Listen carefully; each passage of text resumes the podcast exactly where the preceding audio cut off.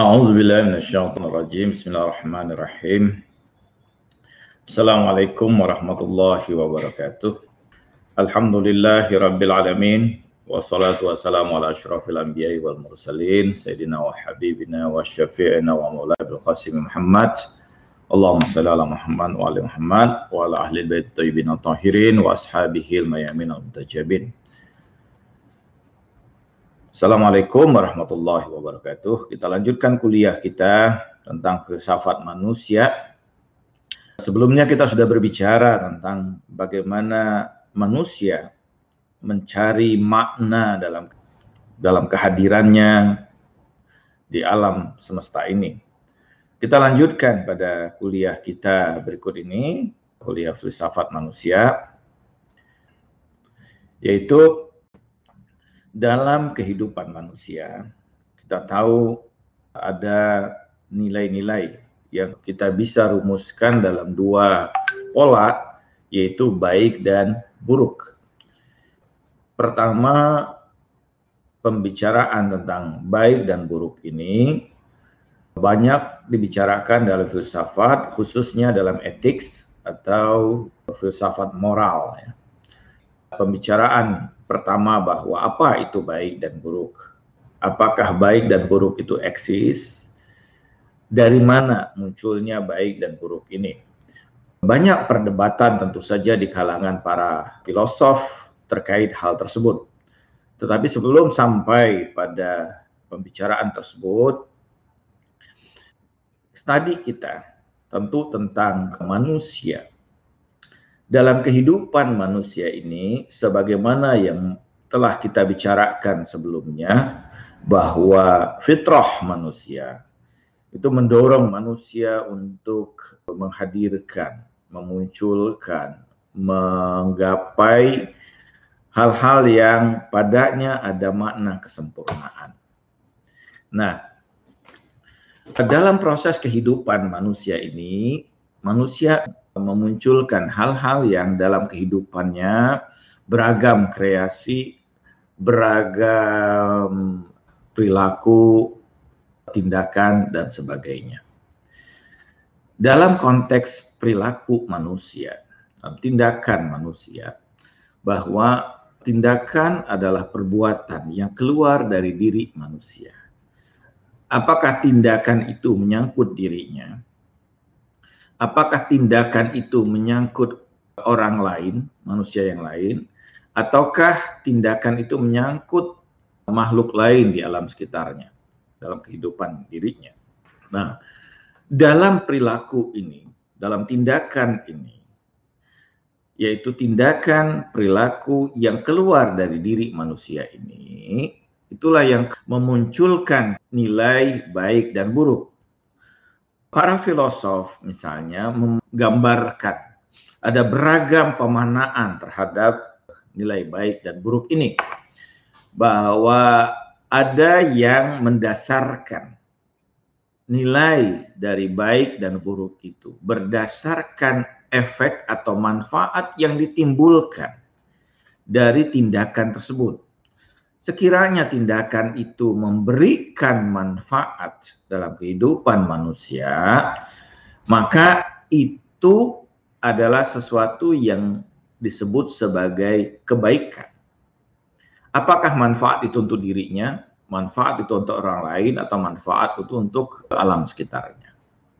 Jadi segala sesuatu dalam pandangan yang pertama ini diukur berdasarkan manfaat tetapi bahwa bisa jadi eh, segala sesuatu yang tidak memberikan manfaat, maka itu sesuatu yang buruk. Nah, ini pandangan pertama. Pada pandangan yang kedua bahwa baik dan buruk itu berdasarkan hasrat atau dorongan yang muncul dari diri manusia itu dengan kesadaran dirinya. Jadi kalau hasrat dan dorongan itu muncul dari kesadaran yang ada pada dirinya, maka itu kebaikan. Tapi kalau itu muncul bukan dari kesadaran dirinya, atas dasar keterpaksaan, atas dasar tekanan, maka itu satu keburukan. Ini pandangan kedua. Pandangan ketiga yang memandang bahwa segala nilai yang padanya ada nilai kesempurnaan, maka itu adalah satu kebaikan. Sementara segala nilai yang padanya tidak ada nilai kesempurnaan tersebut, maka itu satu keburukan. Pada pandangan yang lain adalah tindakan yang memberikan kebaikan bagi diri orang yang melakukannya adalah kebaikan, sementara sekalipun bahwa tindakan itu mungkin efek buruk pada yang lain. Dan segala tindakan yang membuat kerugian pada diri orang yang melakukannya, maka itu adalah keburukan. Dari sini kita melihat bahwa ada beragam pandangan yang menggambarkan apa itu baik dan buruk dari tindakan manusia. Tapi semua seluruh filosof sepakat bahwa penilaian terhadap baik dan buruk itu adalah tindakan yang muncul dari diri manusia. Apakah tindakan ini? Tindakan adalah segala perbuatan yang muncul dari dorongan kesadaran akliyah manusia atau hasrat yang muncul dari diri manusia itu yang mendorong dia melakukan aktivitas tertentu, perbuatan tertentu segala perbuatan yang muncul dari diri manusia ini, inilah yang melahirkan nilai tersebut. Jadi oleh karena itu bahwa para filosof sepakat bahwa ukuran dari atau nilai baik dan buruk itu muncul dari tindakan. Jadi penilaian terhadap tindakan inilah yang memunculkan konsep baik dan buruk. Tetapi bahwa tindakan semata sebenarnya itu adalah akibat kalau kita pahami lebih jauh dalam konteks filsafat, khususnya pada filsafat Islam, bahwa tindakan itu akibat dari dorongan kesadaran akliyah yang muncul pada diri manusia. Setiap tindakan itu ada tujuannya. Setiap tindakan itu ada ada yang mendorong keluarnya tindakan itu. Apa yang mendorong itu? Itulah kesadaran cara pandang manusia. Karena itu bahwa sumber sebenarnya dari nilai baik dan buruk bukan sekedar tindakan, tapi sumber dari baik dan buruk adalah kesadaran manusia itu. Nah, karena itu bahwa kesadaran manusia, akal manusia dalam konteks ini yang menjadi center dari kesadaran manusia menjadi satu sumber utama dalam memunculkan satu nilai baik dan buruk. Jadi bukan karena sekedar tindakan semata kemudian muncullah nilai baik dan buruk, tapi kesadaran itulah yang mendorong munculnya tindakan yang menghasilkan nilai baik dan buruk. Para filosof misalnya Muslim, baik itu Ibnu Sina, Sadra, atau belakangan seperti Alamat Toba-Tobai atau Mutahari, memberikan bukti bahwa segala jenis tindakan manusia itu dapat dinilai kalau itu muncul dari kesadaran akliyahnya. Kalau seseorang itu berada di bawah kendali hipnotis misalnya, atau berada dalam kendali sihir, maka itu terlepas dari nilai. Jadi oleh karena itu bahwa nilai baik dan buruk hanya bisa dilekatkan pada tindakan yang dihasilkan melalui kesadaran akliyah. Jadi manusia sebelum melakukan tindakannya, dia punya dorongan kesadaran akliyah, kenapa dia kemudian menghasilkan tindakan tersebut. Nah, kesadaran akliyah ini dibentuk oleh cara pandang dalam bahasa Arab disebut dengan ru'yatul kauniyah atau Weltanschauung atau view of life ya. Jadi ada cara pandangnya. Dalam konteks ini manusia didasarkan oleh cara pandang ini dalam menghasilkan tindakan. Oke. Selanjutnya, karena itu bahwa berdasarkan kesadaran manusia inilah manusia melakukan beragam hal, beragam tindakan, beragam perbuatan, beragam kreasi dan sebagainya. Bahkan melakukan hal-hal yang buruk sekalipun tentu didasarkan pada sebuah kesadaran yang muncul dari kesadaran akalnya.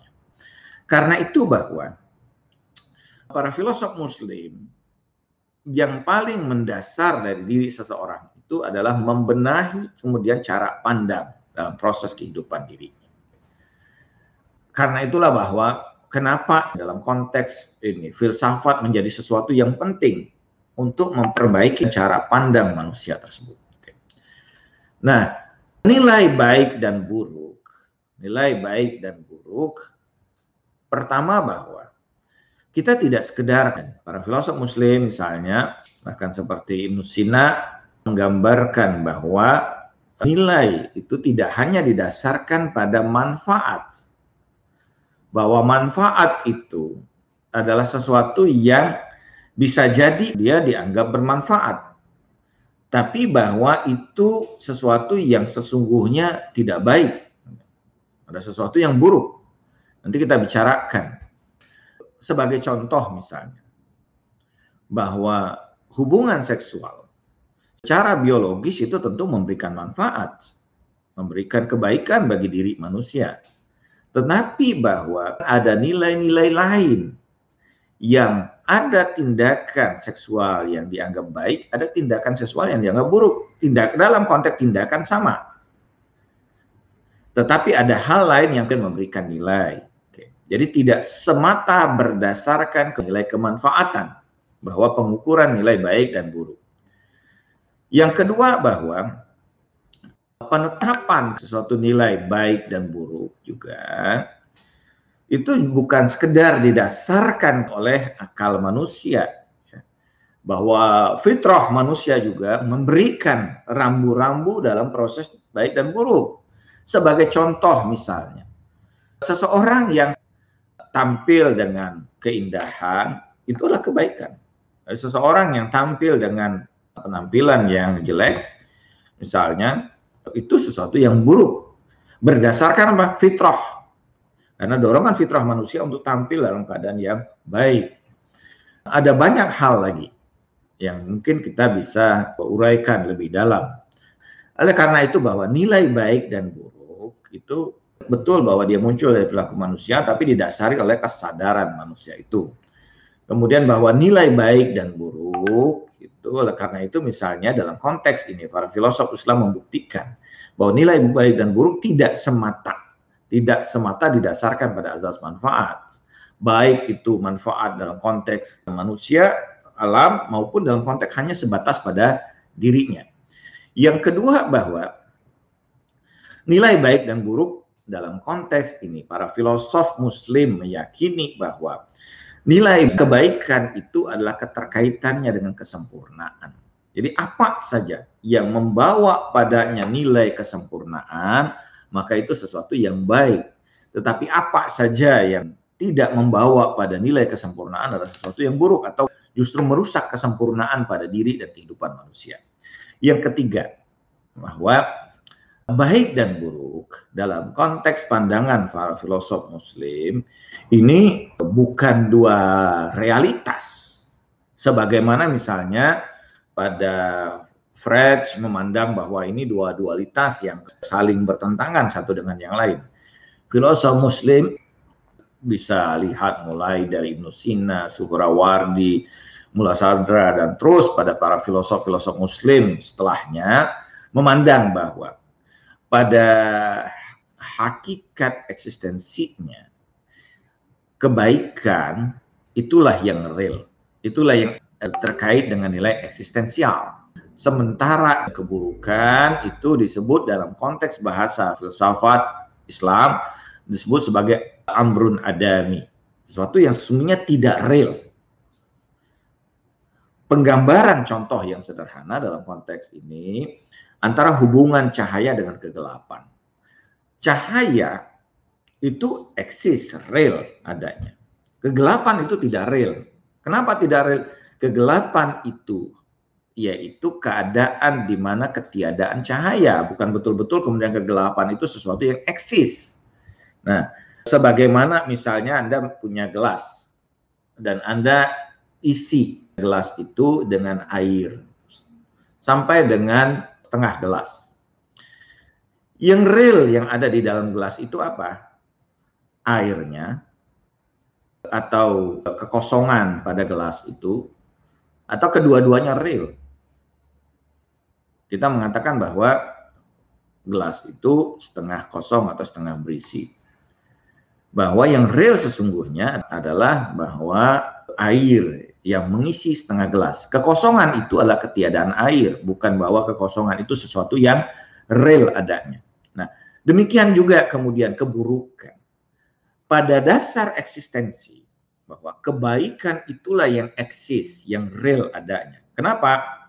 Karena kalau kita melihat dalam konteks segala sesuatu pada hakikat sesuatu tersebut, maka itu ada kebaikan padanya. Apa pun yang dalam konteks perwujudan yang ada di alam semesta ini, pada hakikatnya adalah kebaikan. Tetapi bahwa padanya juga nilai keburukan itu sesuatu yang dia menempel, sesuatu yang sebenarnya tidak eksis seperti pada kegelapan itu. Baru ada hal-hal tertentu yang ketika karena segala sesuatu ini menunjukkan nilai kesempurnaan, segala sesuatu yang kurang dari kesempurnaan itu atau justru menghalangi kesempurnaan itu, maka itulah yang memunculkan konsep buruk. Bodoh itu buruk. Bodoh itu pada hakikatnya tidak real. Bodoh itu adalah ketiadaan ilmu. Ilmu itu yang sesungguhnya real adanya. Nah, dalam konteks ini para filosof muslim menyatakan bahwa tindakan manusia tindakan manusia pada hakikat dasar tindakan adalah kebaikan. Tetapi kalau tindakan itu tidak sesuai dengan nilai kesempurnaan, maka muncullah konsep yang disebut dengan keburukan. Dari mana kita mengukur kebaikan dan keburukan ini? Pertama bahwa ada fitrah yang mendorong manusia. Jadi segala sesuatu yang merupakan dorongan fitri pada diri manusia itu pada hakikatnya adalah kebaikan.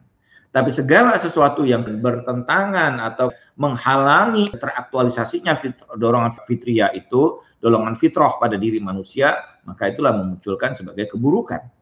Yang kedua bahwa kesadaran akliyah manusia, akal itu memberikan rambu, memberikan nilai ya, bahwa sesuatu ini secara akliyah sesuatu yang tidak baik.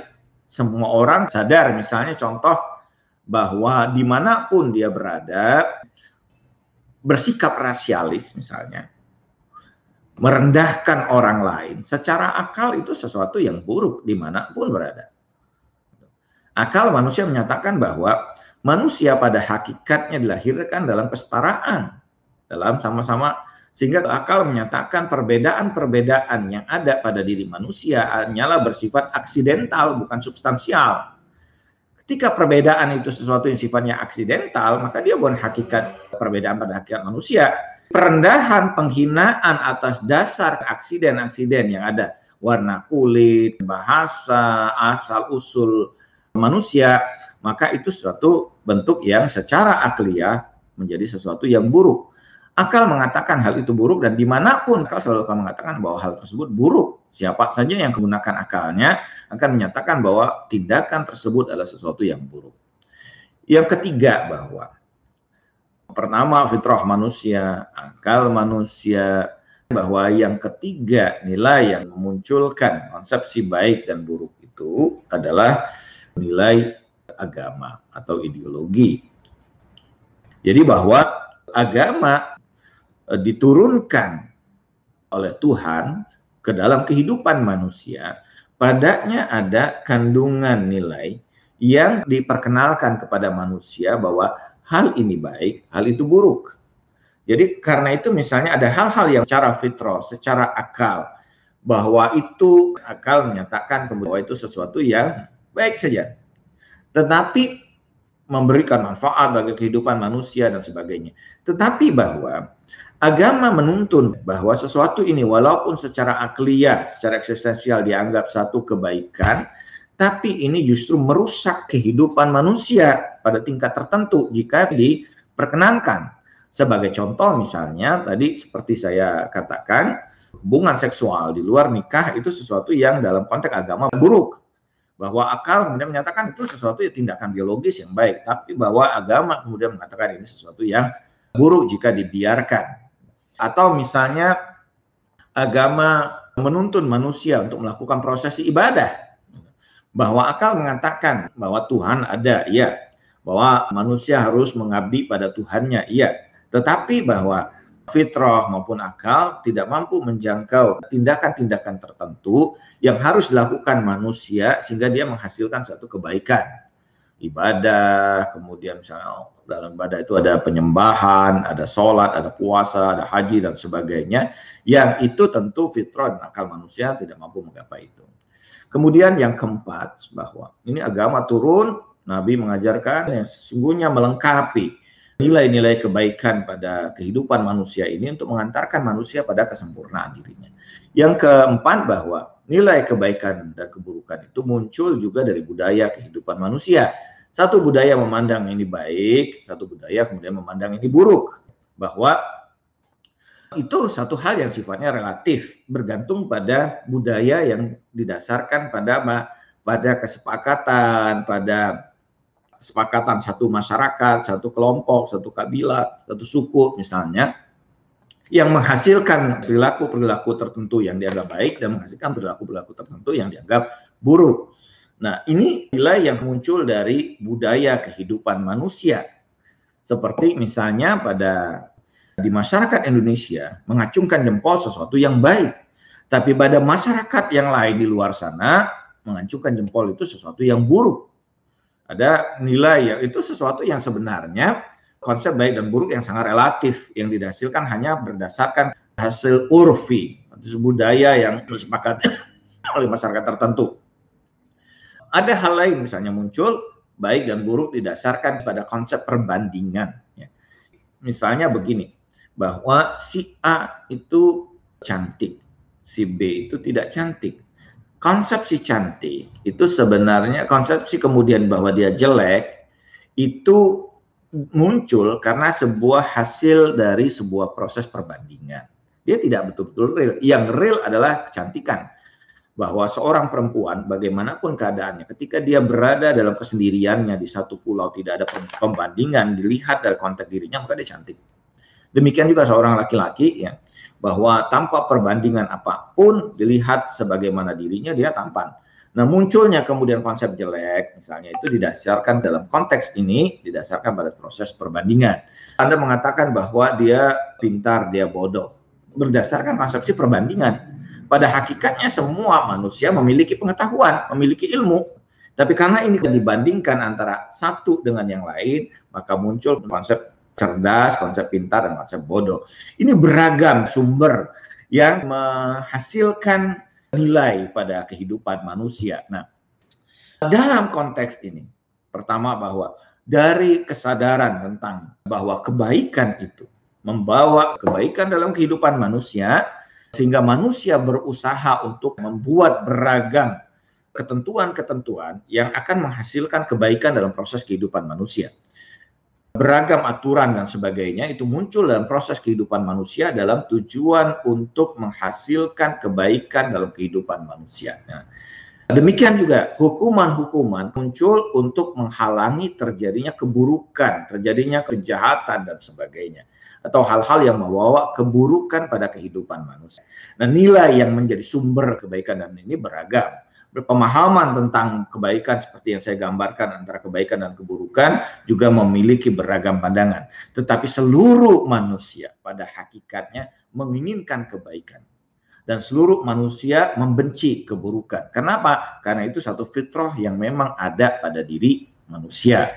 Jadi jika kita dalam konteks ini kita perhatikan misalnya, maka kita akan melihat bahwa proses kehidupan manusia itu didasarkan pada kedua nilai ini.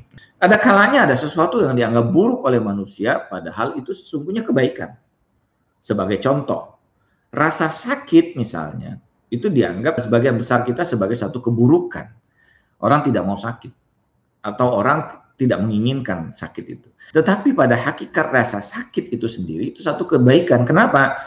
Itu satu bentuk alarm pada diri manusia yang memberikan isyarat pada manusia itu ada satu keadaan disharmoni yang terjadi pada tubuhnya atau ada satu problem yang terjadi pada dirinya yang segera harus dia atasi, yang segera harus dia tangani. Jadi sebenarnya rasa sakit itu adalah kebaikan karena dia satu bentuk alarm pada diri manusia itu untuk menyadarkan manusia bahwa pada dirinya ada satu problem yang membahayakan dirinya. Semakin cepat dia mengetahui munculnya rasa sakit itu, semakin cepat dia mengatasi problem itu. Ada kalanya kemudian, kadang-kadang orang yang sudah mengalami penyakit tertentu, kadang-kadang tidak sadar dengan rasa sakit itu sehingga ketika dia sadar, dia sudah berada pada kondisi yang buruk. Ini karena itu kalau kita melihat bahwa ada banyak manusia yang membenci sakit itu sendiri, padahal sakit itu adalah satu kebaikan. Rasa sakit itu sendiri sebenarnya adalah isyarat, adalah alarm yang mengingatkan manusia tentang problem atau disharmoni yang terjadi pada dirinya. Nah, ini memberikan gambaran pada proses ini, pada apa yang saya gambarkan pada konteks ini, memberikan gambaran kepada kita bahwa manusia ini dalam kehidupan ini dia menampilkan beragam kebaikan dan keburukan. Dan ini terus ada kalanya dan ini jadi satu problem bahwa pandangan yang keliru terhadap upaya mewujudkan kebaikan ini sehingga menyebabkan terjadinya beragam persoalan sosial dan politik terjadi peperangan, terjadi penzaliman dan sebagainya karena kekeliruan dalam cara memandang kebaikan. Bagaimana memandang bahwa kalau saya menguasai kelompok lain atau masyarakat yang lain atau bangsa yang lain, maka itu kebaikan bagi kami. Bahwa nilai kebaikan pada hakikatnya tidak didasarkan hanya untuk kepentingan diri seseorang atau kelompok tertentu saja. Bahwa kebaikan itu adalah nilai yang sifatnya apa? universal. Dan ini tentu bukan hanya di dalam upaya mewujudkan kebaikan, tentu dengan cara yang baik. Bahwa proses menghasilkan kebaikan itu juga harus dilakukan dengan proses yang baik. Karena tidak akan mungkin sesuatu yang sifatnya mencapai pada derajat kesempurnaan dihasilkan melalui satu jalan yang tidak baik atau buruk misalnya. Nah, karena itu bahwa cara pandang terhadap kebaikan dan keburukan ini menjadi sesuatu yang sangat penting. Manusia dalam proses kehidupan ini menghasilkan nilai-nilai kebaikan dan keburukan. Nah, problem sekarang yang terjadi pada saat kita sekarang ini, ini yang misalnya dikritik oleh orang-orang seperti Serus Nasr dan sebagainya, bahwa ketika kekeliruan pandangan atau nilai baik dan buruk ini, maka ini yang menghasilkan problem pada kehidupan manusia. Mereka yang mendasarkan diri pada pandangan materialisme atau pandangan humanism yang memandang bahwa manusia adalah fokus dari segala sesuatu sehingga apa yang ada di sekitarnya itu adalah benda yang materi yang dapat dia eksploitasi sesuai dengan kepentingan dirinya. Apa pun yang dalam tujuan untuk memberikan kemanfaatan hanya pada kehidupan manusia ini itu dianggap sebagai satu kebaikan karena center dari humanisme itu adalah manusia, humans. Dan ini yang menghasilkan problem besar dalam proses kehidupan ini bagaimana manusia mengeksploitasi alam, mengeksploitasi kehidupan dari makhluk-makhluk yang lain demi kepentingan dan kesejahteraan dirinya semata. Ini satu nilai yang sebenarnya buruk ya dalam konteks kita melihat ketika dalam konteks ini kita melihat bahwa? Bahwa ini adalah bagian dari sesama makhluk dalam pengabdian dirinya kepada Tuhan. Jadi manusia bukan center dari segala sesuatu dalam konteks filsafat Islam. Tetapi pada pandangan humanisme misalnya bahwa manusia lah yang menjadi center sehingga segala sesuatu dapat dieksploitasi untuk kehendak dirinya. Dan apa pun yang muncul dari kehendak diri manusia ini adalah kebaikan. Ini satu hal yang pandangan yang jelas bahwa ditolak dalam filsafat Islam. Nah, karena itu bahwa kehadiran manusia, nanti kita bicarakan pada topik berikutnya, memberikan makna tertentu dalam hubungan antara manusia dengan alam yang ada ini. Tetapi bahwa nilai baik dan buruk itu tidak semata didasarkan hanya pada kepentingan manusia, hanya kepentingan kehidupan layanan pada kehidupan manusia, tetapi ada nilai-nilai lain yang bahwa kebaikan dan keburukan bukan hanya sekedar ditentukan oleh azas manfaat. Kebaikan dan keburukan itu pada kesadaran fitriah, kesadaran akliah, kesadaran agama, kesadaran bahwa ini bagaimana agama memberikan tuntunan yang lebih memiliki nilai kemanusiaan yang lebih universal dalam proses kehidupan ini. Karena itu bahwa dalam konteks pembicaraan kita, kehadiran manusia memberikan nilai yang menghasilkan konsep baik dan buruk. Dalam pandangan kemudian para filosof muslim bahwa kebaikan adalah satu uh, hal yang eksistensial, sementara keburukan itu adalah sesuatu yang sifatnya relatif, sesuatu yang dia tidak betul-betul eksis, dia sesuatu yang sifatnya relatif. Yang eksis itu adalah kebaikan itu sendiri. Yang kedua bahwa dalam menentukan nilai kebaikan dan keburukan, diri manusia dibekali dengan fitrah dan akalnya, tapi pada saat yang sama ada tuntunan agama, budaya yang membentuk nilai kebaikan dan keburukan. Ada kebaikan yang sifatnya universal, ada kebaikan yang sifatnya relatif bahwa kebaikan yang sifatnya universal adalah dibentuk berdasarkan kesadaran fitrah akal manusia itu sesuatu yang sifatnya universal. Tapi ada kebenaran atau kebaikan yang sifatnya relatif, seperti misalnya kebaikan yang dihasilkan oleh budaya lokal tertentu, misalnya itu hanya pada tingkat lokal tersebut dianggap sebagai kebaikan didasarkan pada urf yang berlaku. Sementara bisa jadi bahwa pada tempat lain itu dianggap sebagai satu keburukan karena berdasarkan kemudian bahwa ini kebaikan dan keburukan yang bersifat relatif ya. Tapi ada kebaikan yang sifat hakiki yang sifatnya universal yang muncul dalam proses kehidupan manusia. Tujuan utama kebaikan itu tidak lain pada hakikatnya menyampaikan manusia pada puncak kesempurnaan kemanusiaan dirinya. Ini pengantar kuliah kita pada hari ini terkait dengan nilai kebaikan dan keburukan dalam proses kehidupan manusia. Ada kalanya mungkin kebaikan bisa jadi bahwa itu sesuatu eh, yang buruk mungkin yang dirasakan oleh manusia, tapi sebenarnya itu menghasilkan sesuatu yang baik. Sebagai contoh misalnya terjadinya bencana gempa bumi, kemudian juga misalnya letusan gunung, itu yang mungkin dalam kehidupan manusia pada kelompok tertentu dianggap sangat keburukan. Tapi kalau dilihat berdasarkan nilai yang lebih besar lagi, kita mendapatkan itu sebagai suatu mekanisme alam dalam upaya meremajakan dirinya dan memberikan manfaat kebaikan yang lebih besar bagi alam dan manusia yang akan datang. Nah, mudah-mudahan ini bermanfaat bagi kita tentang melihat bahwa bagaimana kehadiran manusia ini memberikan konsepsi nilai baik dan buruk dalam proses kehidupan manusia. Terima kasih atas perhatiannya. Insya Allah kita berjumpa lagi pada kuliah filsafat manusia Wassalamualaikum warahmatullahi wabarakatuh.